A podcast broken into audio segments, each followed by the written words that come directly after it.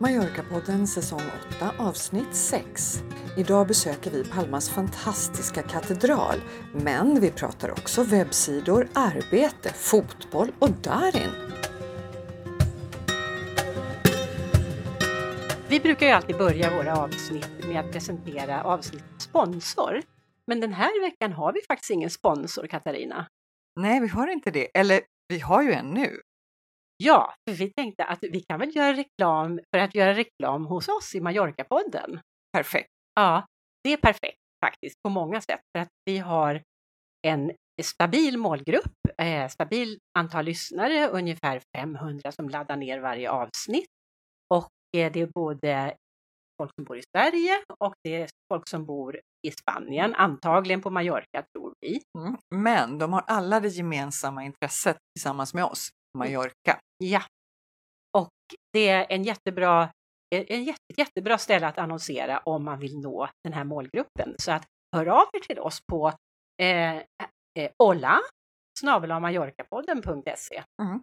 Så hjälper vi er att nå ut till precis de som bor på Mallorca, reser till Mallorca eller bara drömmer om Mallorca. Du Helena, vad eh, har du hittat på sen senast? Eh, Jag, har, jag håller på med den här opraktiska aktiviteten som kallas för arbete. Åh nej! Ja, alltså om du visste hur tidsödande det är. Jag kan inte föreställa mig hur jag skulle kunna klämma in det i mitt liv. Nej, nej, det är verkligen, man får verkligen prioritera det om man ska hinna med det.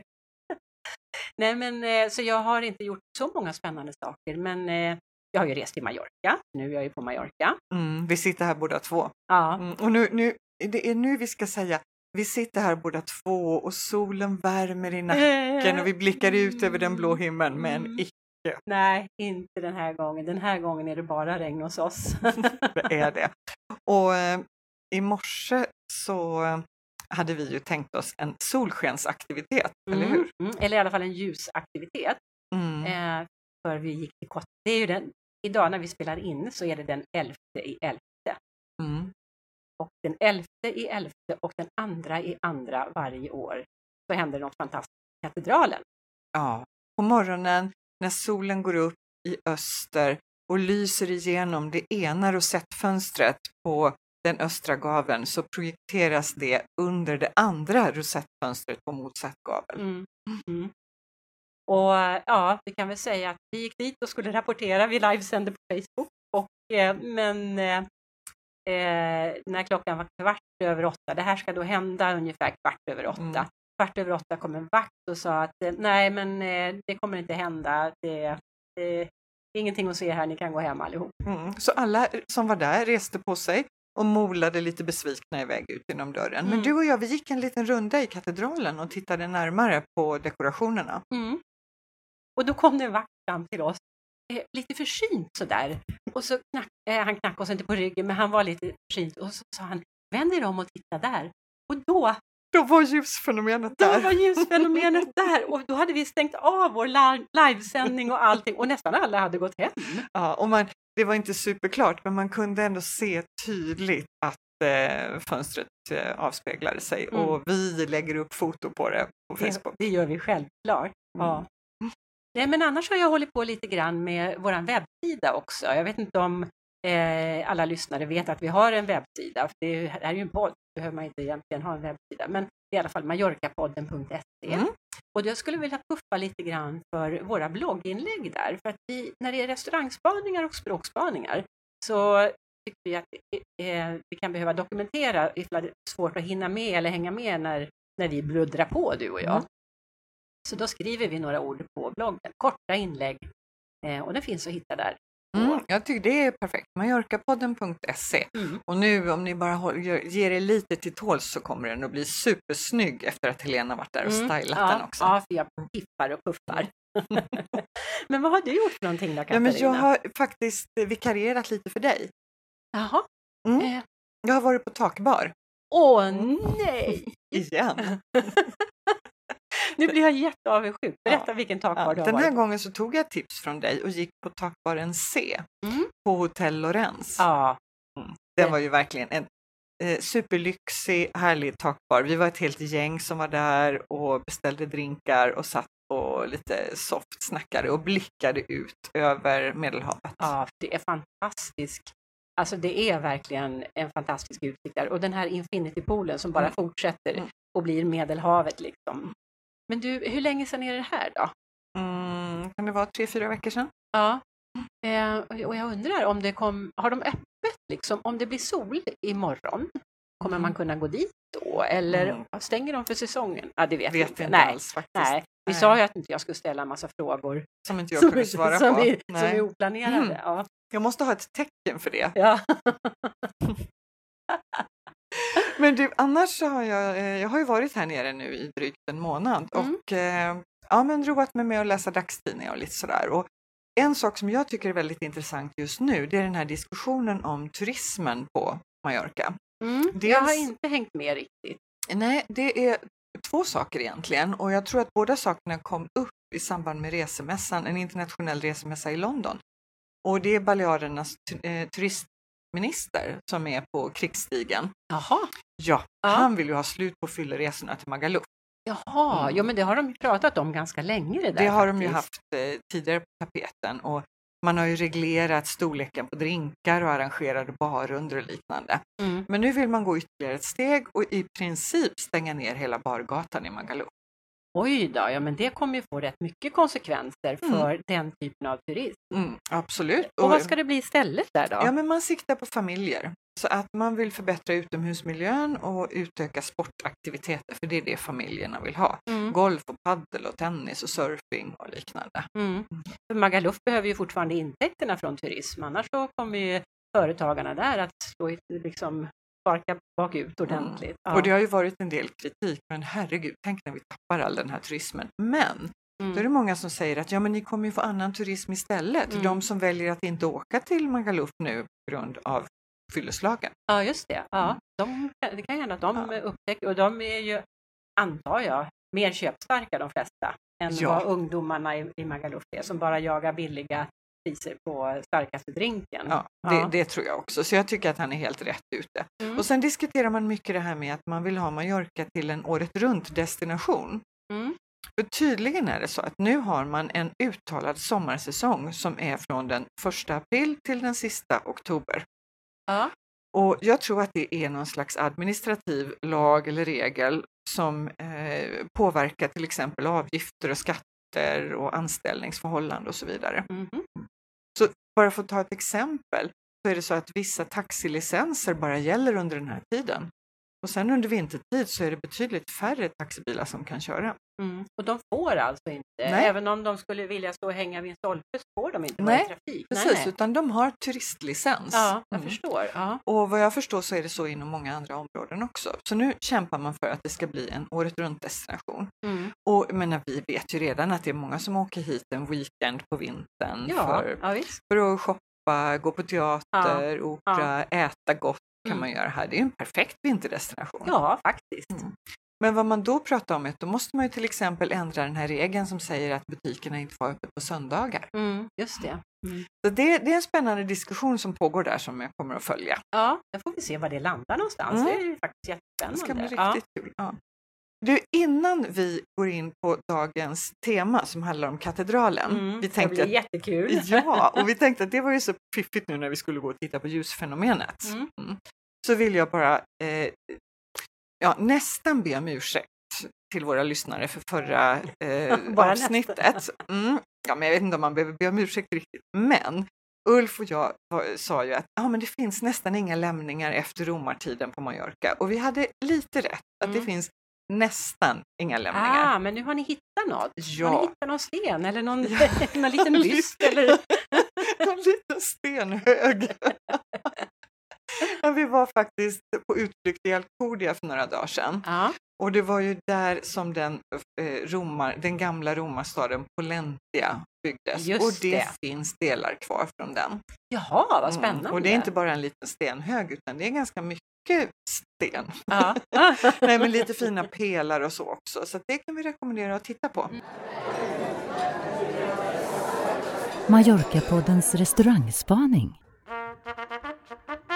Jag har ju glömt att fråga dig Katarina om du har varit ute på någon bra restaurang och spanat. Mm. Eller hur, hur många? Jag har ju lovat att bara ta en varje gång. Mm. Mm. Den här gången vill jag pusha för en lunchrestaurang. Mm, du brukar ju gilla luncher. Mm, Jag gör ju det. Och den här restaurangen heter De Menu. Och här erbjuder den namnkunnige kocken Adrian Kettglass. Oh ja, Mm. till och med jag känner till honom. Ja, han erbjuder en lunchmeny. De har faktiskt bara öppet för lunch. Jaha. Ja. Den ligger på Plaza de Sant'Antoni och det är strax söder om Plaza Olivar. Mm. Eh, Där erbjuder de en trerätters lunchmeny som de ändrar varje vecka. Så istället för menú del dia heter den menú de la semana. ja, just det. Mm. Serveras mellan 13 och 16 tisdag till fredag. Mm. Och eh, ambitionen är så bra mat som möjligt för så lite pengar som möjligt. Aha. Det kostar 20 euro. Det är lite mer än eh, vad en vanlig lunchkrog Ja, men kom tar. igen, Kettglass, han är väl Michelin? Det är Behängd, han. ja. Jajamän. Han har ytterligare tre restauranger i Palma varav en är en stjärnkrog. Mm. Mm. Mm. Men alltså, alltså, du har inte sagt någonting om vad du åt och om det var gott? Det är fantastiskt gott. Vi är lite av stammisar där, så vi brukar gå dit kanske Ah, ja. en gång i veckan i alla Ja, fall. okej, ja. Maten är läckert upplagd på lite mer rustikt eh, porslin. Man kan gärna gå på deras Instagramkonto och titta. Fantastiska Ja, bilder. kan man sitta där och Mm. dregla. Mm. Det finns två förrätter, två varmrätter och två desserter att välja på. Mm. Så man kan ju faktiskt gå dit två dagar i veckan. Ja, just det. Mm. Servicen är lite lunchsnabb sådär, men eh, jättetrevlig. Ja. Miljön inne är helt okej. Mm. Eh, lugnt, passar jättebra om man ska ha ett möte. Man kan sitta och prata i lugn och ro. Mm. Terrassen däremot ligger mitt i en vilt trafikerad korsning med Ja. bilar, motorsågscyklar och bussar. Ja. Men vi har med glädje överseende med det tack vare de mest ljuvliga rätterna. Men nu, ja, vi ska ju prata om katedralen och alltså vi, jag är lite sådär äh, småreligiös eh, efter morgonens upplevelse. Dels så var det ju tidigt på morgonen och vi var där och det var lite spännande sådär och sen så blev det ju då det här platta fallet när, när det inte blev något just fenomen och sen så fick vi det ändå, Ja. även om det bara var du och jag. det var, det var helt fantastiskt. Det var verkligen en extra bonus där på slutet. Ja. Mm. Men katedralen är ju Mallorcas ikoniska byggnad. Liksom. Det, finns ju ingen, det finns ju ingen större Mallorca-ikon än, den, än katedralen. Och jag tänker att vi som bor här, jag blir lite, alltså jag är lite bortskämd. Jag Mm. glömmer bort den ibland. Och Ja. sen när man går förbi där så inser man att men, Ja, den är ju helt fantastisk. ja. Alltså jag går eh, väldigt sällan in i katedralen men jag går ju ofta utanför och då, blir, då måste jag alltid fotografera, jag vet inte hur många Mm. bilder och hur många vinklar jag har. Och så är det nog med alla som är på Mallorca, Ja. man har väldigt mycket bilder av katedralen. När Den är väldigt tacksam att fota. Ja. Man, man ser den egentligen allra bäst från andra sidan vattnet. Alltså över den här lilla bassängen. Mm, just det, Mm. men man ska inte bara göra felet som jag brukar göra, för jag kan ju vara ute och jogga då på Paseo Marittimo och då måste jag fotografera över vägen och det är alltid en långtradare där. Mm. Det slår aldrig fel. Det gör det hela lite mindre romantiskt på Ja. något vis. Men du, alltså det finns ju, alltså man kan ju prata om jättemycket om den här katedralen, men ska vi köra lite torrfakta? Du brukar ju vara bra på sånt. Jag Mm. gissar att du har gjort research. Mm, nu kommer fröken Katarina med sin information här då. Mina damer och herrar, fröken Katarina ska nu berätta om katedralen. Katedralen är eh, 121 meter lång och 55 meter bred. Och det gör att den har ungefär 7000 kvadratmeter att välkomna oss Wow. på. Det är en balsal. Det är väldigt mycket. Som allra högst så är den 44 meter över marken. Mm, Och okej. det kände vi ju när vi var där också, att det Ja. är högt. Det är högt i tak och sen så kommer ju då torn och pinnar Mm, och sånt där också. mm. 87 stycken målade glasfönster och sju av dem är eh, rosfönster. Jaha, De här runda. ja, men oj, varför säger jag rosettfönster? Eh, har jag fel? Nej, Eller det säger tror man jag så inte. också? Ja, rosettfönster är nog det vanligaste egentligen. Ja, Ja. alltså ros. Nu är inte det här någon språkspaning, men rosett betyder ju egentligen liten ros. Men då är ju inte rosett rätt, för de här är gigantiska de här fönstren. Precis. Ett av dem är ju faktiskt ett av världens största rosettfönster och då är det 12 meter brett och Mm. består av över 1200 små glasbitar i olika färger. Ja, wow. Ja. Mm. Och du och jag har ju varit där, inte samtidigt, men i olika omgångar stått utanför och stått framför det här fönstret. Då känner man sig ganska liten. Ja, det gör man. Det är så vackert. Mm. Eh, Vi hade en liten diskussion du och jag om hu- huruvida vi tyckte att det var mysigt eller inte Mm. i katedralen. Mm. Mm. Du var lite mer tveksam. Jag tyckte att det var väldigt mysigt. Ja, ja, alltså jag tycker det- är svårt att prata om mysigt när det är så högt i tak. men, eh, och så få textilier. Men, Ja. eh, men jag förstår vad du menar. Det är väldigt varma färger. och Ja, med sandstenen. Mm. Mm. Den är, det är ju en gotisk byggnad och den är helt byggd i, sandsten. Mm. Mm. Och när det gäller historien så är alltså fakta är blandat med väldigt mycket spännande historier och sägner. Ja, just det. Ja. Mm. Och vad, berätta, vad är den mest spännande sägnen här då? Eller myten? Ja, men jag tycker nog ändå att den här historien om att eh, 1229 Mhm. när Jaime den förste Mm. av eh, Aragonien Mm. seglade mot Mallorca för att besegra morerna Mm. och kristna Mallorca. Ja, Att det är den sägnen som är den spänna- mest spännande. ja. Det var alltså över hundra skepp Oj, oj, oj. Precis. Mm. Och de drabbades av en enorm storm, ett oväder på vägen och var riktigt, riktigt illa ute. Så då sägs det att eh, Jaime, han sa att om vi kommer levande ur det här, då ska jag prisa Gud på det bästa sättet jag någonsin kan göra. Ja, han var, inte, han var rädd för stormen, men han var inte rädd för morerna som väntade på ön. Nej, men jag tror alltså, han, var ju, han, var ju, han skulle ju bli en krigsherre. Ja. Och han skulle bli, för han var ju inte så gammal. Nej, hur gammal var han då? Ja, men han var bara drygt 20. Ja, men kära någon. Ja, en liten En pojkspoling. spoling. Precis. Om man jämför med dagens 20-åringar som, som bor kvar hemma och räknar vuxenpoäng Nej, fram till den de är här, han, 30. han var ute på krigsräder redan. Ja. Ja, ja. Men han kom i alla fall i land på Mallorca och klarade sig och höll sitt löfte eh, och bestämde sig att "Va- hur ska jag hedra Gud? Jo, jag ska bygga en stor, pampig, härlig katedral. Mhm. Och vad han gjorde då var att han rev den moskén som stod på samma plats innan Mhm. Ja. och byggde upp en katedral Mm. istället. Mm. Så går historien. Okej, ja. Mm. ja. Mm. ja. Det låter ju kanske trovärdigt.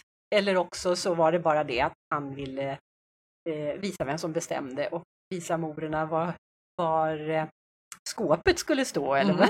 Och skåpet skulle stå på exakt samma plats som den moskén hade Ja, stått innan. Och då lär, då lär det ju då moskéer, moskéer är ju alltid vända mot Mecka och katedralen lär ju också vara vänd mot Mecka då. Ja, av om du det får, ja. skälet. Att- Så faller du på knä där framför altaret Ja. så är det faktiskt så att du böjer dig för Mecka. Ja, okej. Men hade de inte kunnat vrida på hela härligheten då? Du, det hade inneburit ännu mer jobb och det tog ju ganska lång tid ändå. Ja, berätta. Hur lång tid tog det? För det brukar man säga också, att det tog flera hundra år, lite svepande sådär. Men hur lång tid tog det Ja, egentligen? och det, det finns lite, alltså det beror ju på lite hur man mäter. Jaha. När var den egentligen färdig? För Ja. det var ju tre olika perioder, eller hur? Ja, just det. Tre byggnadsfaser har jag hört Mm, talas om. mm. Ja. De här faserna, de två första faserna var ganska korta. Eh, och eh, de kanske ja, var på sex- 50-60 år sådär. Och sen den tredje fasen var ytterligare 250 år, så då blev den inte klar förrän 16, långt fram på 1601 Ja, eller någonting. ja just det. Ja. Då anses den att den var färdig. Mm. Så att det var lite manjana manjana redan på den tiden. Ja. Mm. Men alltså, ja verkligen. För det är ganska lång tid, 1600. eh, Det, det är då 300 år faktiskt från första spadtaget tills den var Mm. en färdig byggnad som funkade.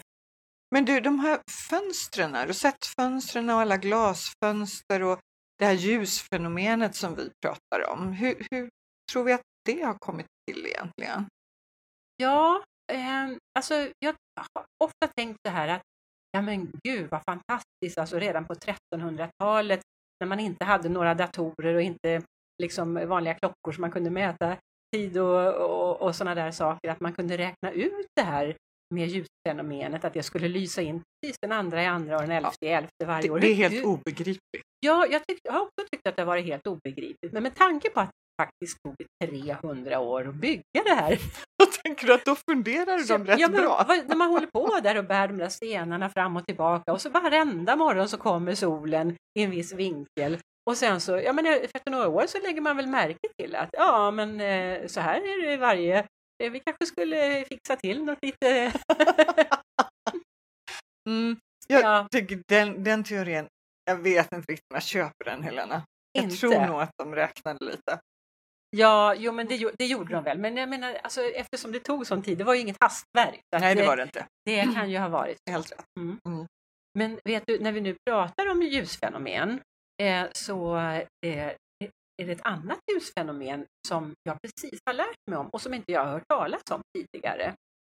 Och det är vintersolståndet ljusfett eller någonting sånt där heter det. Jaha, där är en nyhet för mig också. Det är det, ja. Varför har man talas om det? För det är ganska coolt. Då är det då vintersolståndet.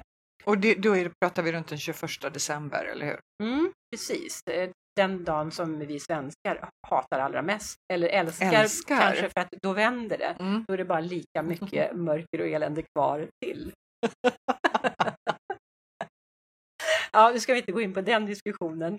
Eh, men, eh, men i alla fall, vintersolståndet, eh, 20 dagar runt vintersolståndet, så går sol, när solen går upp så går den upp och lyser rakt in genom det ena rosettfönstret och ut genom det andra. Så det projicerar alltså ingenting på någon vägg utan bara rakt Ja. in och ut genom det andra. Så det blir liksom som en ljuslaserstråle som man då kan se ifrån terrassen på Espaloir. Men vad läckert! Lite så här kal- kaleidoskopliknande måste det ju bli Ja, då. inifrån blir det som ett kaleidoskop Mm, eh, eftersom de här ljus, eller glasprismorna och det. Mm. Men utifrån tror jag bara det blir som en, en laserstråle. Men jag vet inte det. Jag, har- jag har bara läst om det här nu. Jag har aldrig hört talas Ja, om men det, men alltså, då har vi måste- en uppgift i vinter. Ja. Mm. Alltså det är så spännande med det här. ja. Men du, när vi satt där och, och väntade på ljusfenomenet så passade vi ju på att titta oss runt ordentligt. Mm. Och någonting som fångade vår uppmärksamhet och många andras, det är den här ljuskronan eller altardekorationen är det väl egentligen. ja. Eh, vad vet du om den? Ehm, ja, det är ju Gaudí som har gjort den. Gaudí kom ju då ehm, när eh, det, precis, han kom någon gång början på 1900-talet va? Eh, Mm. tror jag. Då var det en biskop som hade försökt restaurera då katedralen efter en jordbävning och så ledsnade han på alla eh, kyrkoarkitekter, eller vad man nu ska säga. Eh, så, och då hörde han talas om den här killen i Barcelona och reste dit och eh, fick då över Gaudí till Mallorca som under 15 år faktiskt arbetade med restaureringen av katedralen och har gjort det till vad den är idag. Mm. Ljuskro- eller altardekorationen då är hans verk bland annat. Eh, och den är då en sjuuddig krona ska det Mm, föreställa. mm. Man ser inte det riktigt. Men det är då symbolen för törnekronan och Mm. i ena spetsen så är det då eh, krucifix med Jesus på korset och jungfru Maria vid hans fötter och sådär. Mm. Och nerifrån den här ju, eh, kronan, då, törnekronan, så hänger det eh, massor av eh, lyktor och lanternor i mässing. Mm. Mm. Alltså den känns väldigt modern. Om någon skulle ha frågat mig när den var gjord så skulle jag gissa att början på 2000-talet istället för början på 1900-talet. Mm. Mm. Jättecool, men smälter ändå in väldigt bra. Ja, den gör ju det. Och när du, när du säger modern då, och att den har hållit så länge, det är också rätt fantastiskt för den är nämligen gjord av papper och tejp ungefär. Du skojar! Nej, men alltså han gjorde den som en prototyp för att visa vad han ville göra egentligen. Och det, den egentliga kronan blev aldrig gjord, så att det är prototypen som hänger där. Ja, så det är lite skräp vi har där alltså hängande. Ja, Ja, som har hängt i 120 år. men gud, då hoppas vi verkligen att det hänger i minst 100 år till, för den är otroligt vacker. Ja, ja den är speciell Ja. verkligen. Ja.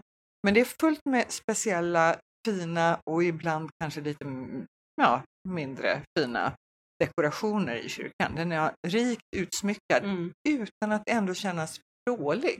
Men du, när vi pratar om Gaudí så har han gjort en annan otroligt viktig insats för katedralen och för det som vi upplevde idag. Ja, vad är det? Jo, rosettfönstren, de var, eh, jag vet inte om de har varit öppna tidigare, men i alla fall när han tog över, då var de igenmurade. Mhm. Och han öppnade upp dem och satte in glasprismor i dem. Så det är hans förtjänst att vi har det här färgglada kaleidoskopet och det här Ja, ja. liksom, och hade han inte öppnat upp, ja men då hade vi inte haft något ljusfenomen Nej, alls.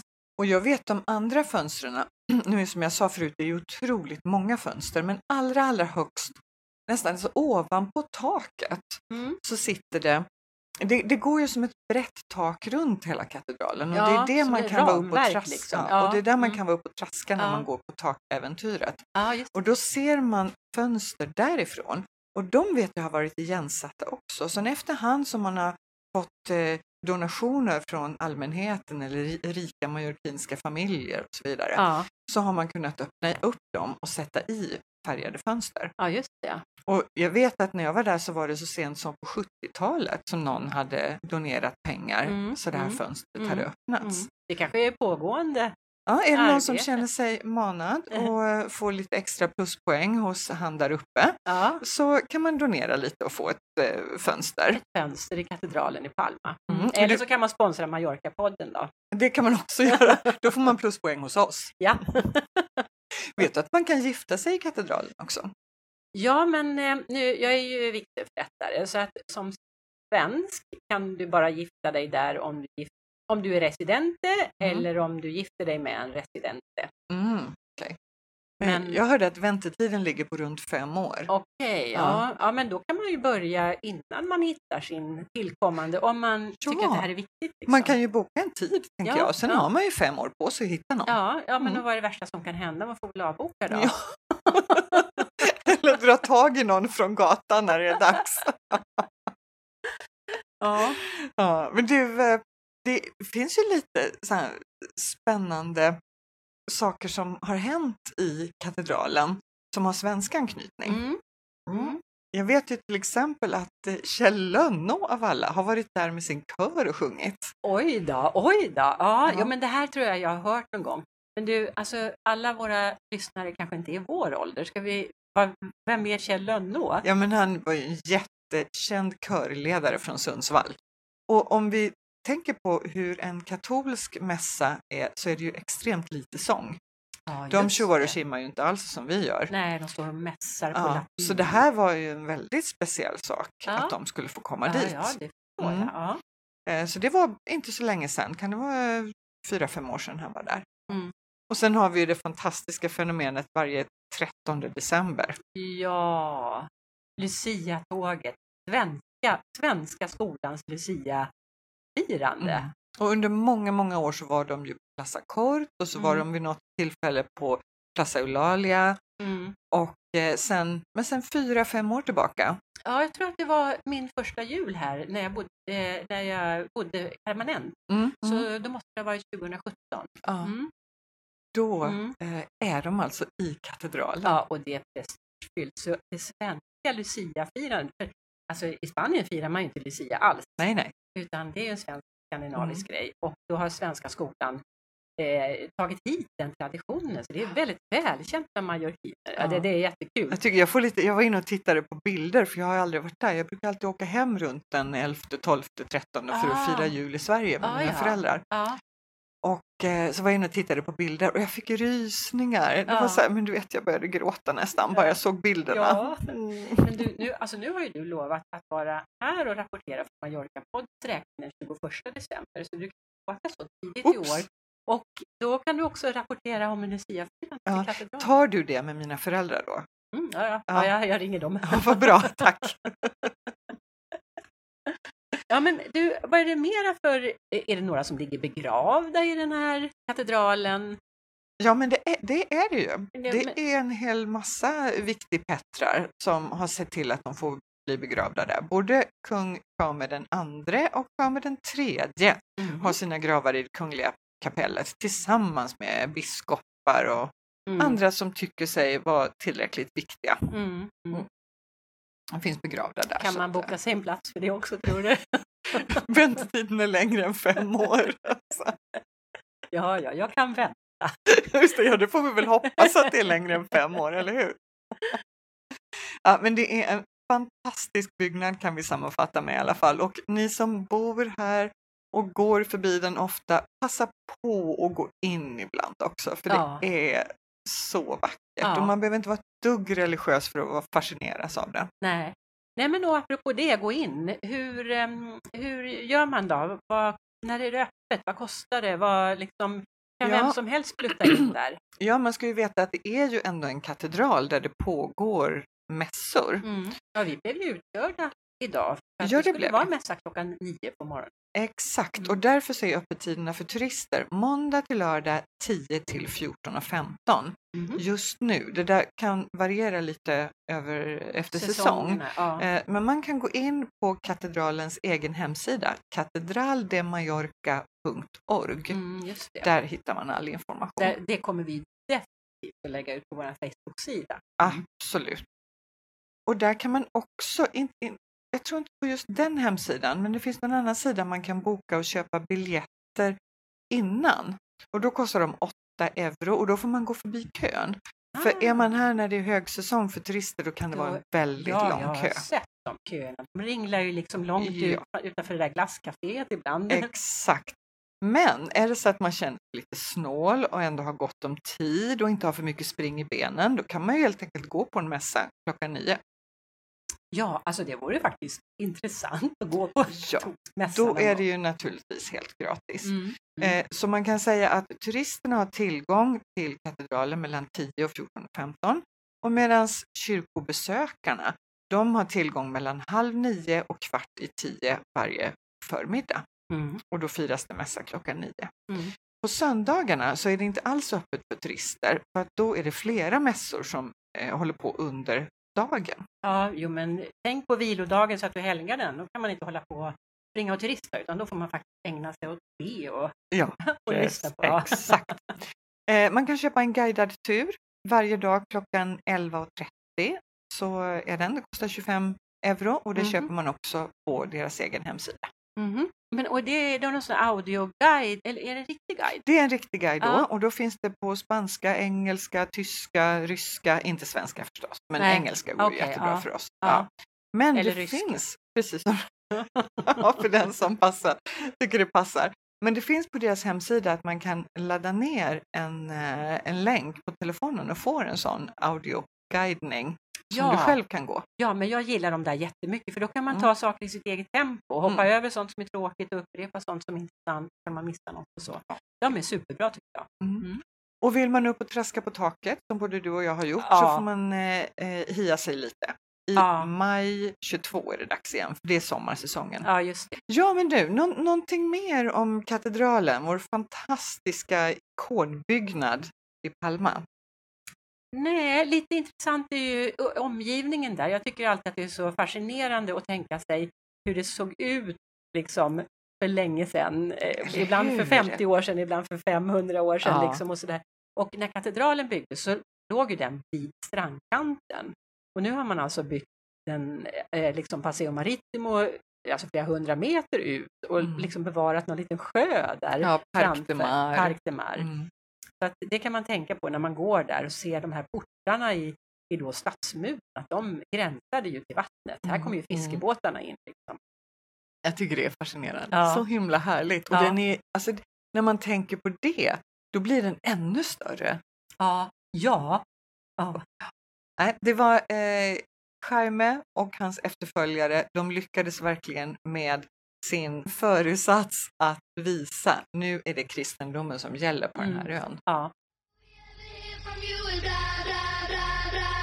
Mallorca-poddens språkspaning. Helena, veckans språkspaning, vad bjussar du på idag? Ja, jag hade tänkt att ha något jätteintressant om katedralen och den kallas ju för eh, Laseo. Och då tänkte jag så här, åh, undrar vad det betyder. Åh, det är säkert någonting jättespännande och jätteunikt. Eh, så att det blir min språkspaning idag. Men tyvärr så blir det inte så unikt för eh, det betyder Laseo, det betyder domen eller det kan också betyda högkvarteret tror jag. Men alltså det är samma, förstår du, det är samma liksom inneboende betydelse. mm. Och eh, det finns massor med katedraler runt om i Spanien som också heter Laseo. Åh nej! Ja, Men det är bland mallorquinerna så brukar den också kallas för ljusets katedral. Ja, spanjorer och mallorquiner i så fall som kanske använder den mest.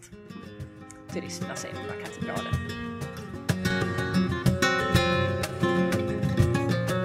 Vad har du för dig eh, den närmaste tiden? Ja, jag väntar på att Peter, min man, ska komma hit så vi kan eh, åka runt lite grann på ön. Vi Mm. har inte vespa, för vädret lämpar sig inte, utan för en gångs skull har jag bil. Ja, men då gäller det att passa på. Mm, så det ska jag göra. Och eh, eh, du hade ju tips om att åka till eh, Sineo kanske? Ja, exakt. Ljusnatten i Sineu. Nu på lördag den Mm. 13 Mm. klockan 19. Mm. Eh, Så alltså jag, jag vet inte riktigt vad det är, men bilderna ser jättehärliga ut. För Det är Mm. massor av eh, lampor och lyktor och ljus utsatta där på kvällen. Ja, Mm. Så dit tänker jag åka. ja. Mm. Och- och jag kanske gör det också. Då kan man ju passa på att slinka in och ta en drink på din kompis hotell. Ja, just det, Ten Mallorca Ja, som har sponsrat ett avsnitt en gång för Ja, länge sedan. ja. Ja. Ja, eh, som är ett, hotell, ett boutiquehotell som då ligger mitt i Sineo och där har de lite, Mm. ett, lite bar och lite, ja, lite häng och sådär och middag också om man vill ha det. jag tycker det ser, verkar se jättemysigt Mm. ut. Ja. Mm. Sen, precis som vi sa i förra avsnittet, söndag den 14 klockan 21.00. Då, gäller det. Då, då går man man ur huset och hejar på ett fotbollslag. Man kan heja på Spanien, man kan heja på Sverige eller också kan man känna sig väldigt, väldigt ambivalent. ambivalent. När jag sa så förra gången, då rättade Ulf mig och sa så här, du, du hejar på Sverige, erkänn. Ja, men alltså jag tror att jag har hamnat i det där också de gånger som jag liksom har, har varit tvungen liksom, i, en fotbollsmatch eller någonting. Mm. Att man är, ja men man är väl svensk någonstans inne i hjärteroten. Men vi får se. Alltså söndagen kan kanske visa motsatsen. Och särskilt om Spanien vinner, vilket de väl troligen gör. Men det där tycker jag är spännande när du säger så, för jag pratade med en väninna som var här under hela eh, lockdown och eh, covidperioden. Mm. Och hon sa det, det är märkligt, sa hon, när man ställs inför någon slags kris. Man kan inbilla sig att man är hur spansk som helst, Ja. men då kände jag verkligen att hemma var Sverige. Ja. Det var där min trygga plats var. Ja, ja. Sen tycker jag det är jättehärligt att bo på Mallorca, Mm. verkligen. Mm. Men när det kommer till kritan Mm. så var hemma hemma. ja, jo, det är, det är den plats man är född liksom. Mm. Mm. Ja, det är viktigt i alla fall. Ja, men det, Ja. det är intressant. Ja. Och alltså kris eller fotboll, det är ungefär samma sak då. Så att i fotboll och kriser visar det sig. Ja, men vi ses ute på stan på bästa, närmaste sportbar. Mm, det gör vi. Du, vi har en, eh, vi, vi har en ny idé. Ja, det har vi. Mm.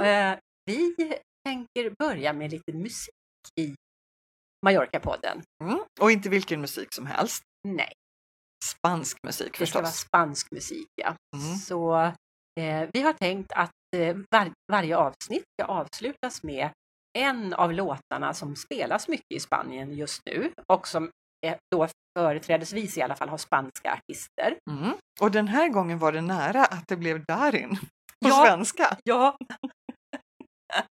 ja, det var ju märkligt det du berättade om Darin. Eh, Det var så att spansk tv har visat en dokumentär om en spansk känd artist. Mhm. Och hon är väldigt förtjust i Eurovision. Åh, ah, där, har ju Darin varit med en hel del, Ja. tror jag. Ja, fast han har väl egentligen bara varit med i svenska melodifestivalen. Ja, han kanske aldrig. Men som jag har uppfattat det är det så här att när vi hade Eurovision som sändes från Sverige, Mm. då var Darin med som en mellanakt.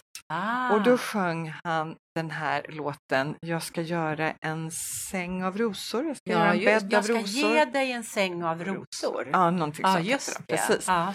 Och den här tyckte de var så fantastisk. Så i en av kärleksscenerna i den här dokumentären så spelar de den låten i bakgrunden. Där Darin sjunger på svenska. Jaha. Och den har blivit så populär så den låg etta på bland de mest lyssnade låtarna i Spanien. Ah, ja, Mm. alltså det här är ju jätte... Och på svenska då? Ja, men det är jätteroligt. Ja, och han det- bor ju på Mallorca just nu. Ja, Ja. veckans kändisspaning. Eller hur? Darin bor på Mallorca. Ja. Och jag läste något så roligt, en intervju med honom där han berättade att en spansk vän till honom hade sagt det att ah, men jag har lyssnat på den här svenska låten. Jag undrar vem det är som sjunger för det låter ju jättebra. Varpå han hade fått svara, ja men det är ju jag. Men du, så himla lätt ska vi inte göra för oss att vi börjar med att första gången spela en svensk låt. Nej, det tycker jag inte. Det kan man höra på så många andra ställen. Mm. Ja. Här spelar vi spanska låtar. Och den som vi har valt idag, den heter Ateo. Och det är en duo, eh, C. Tangana och Nati Peluso. Mm. Eh, hon är född i Argentina men uppvuxen i Spanien och han är en rappare från Madrid. Mm. Och vi tyckte det passade extra bra idag att köra just den här låten. Mm. För deras video är inspelad i en katedral. Ja, just det. Ja. Ja, Ja, vi blev nästan lite, lite spooked där ett tag. Ja. Och tänkte, ja, ja, det finns det mening. Han har sett oss där uppe. Så vi fortsätter på temat eh, katedraler, Katedraler, ja. med låten Ateo. Mm. Asuntos peligrosos del pasado me persiguen todavía. Historias que la gente no olvidó y que me recuerdan cada día. Si llegué vivo aquí no me va a matar una vieja herida. Déjales que hablen mal, se mueran de envidia. Yo era ateo, pero ahora creo. Porque un milagro como tú bajar del cielo. Yo era ateo, pero ahora creo. Porque un milagro como tú ha tenido que bajar del cielo. Yo era ateo, pero ahora creo. Porque un milagro bajo del cielo. Yo era ateo, Pero ahora creo, Ahora creo. hablan de mi vida como si hubieran pasado todos por ella. Yo solos, bachatas y una botella. quiero hacerle religión a tu melena, a tu boca y a tu cara.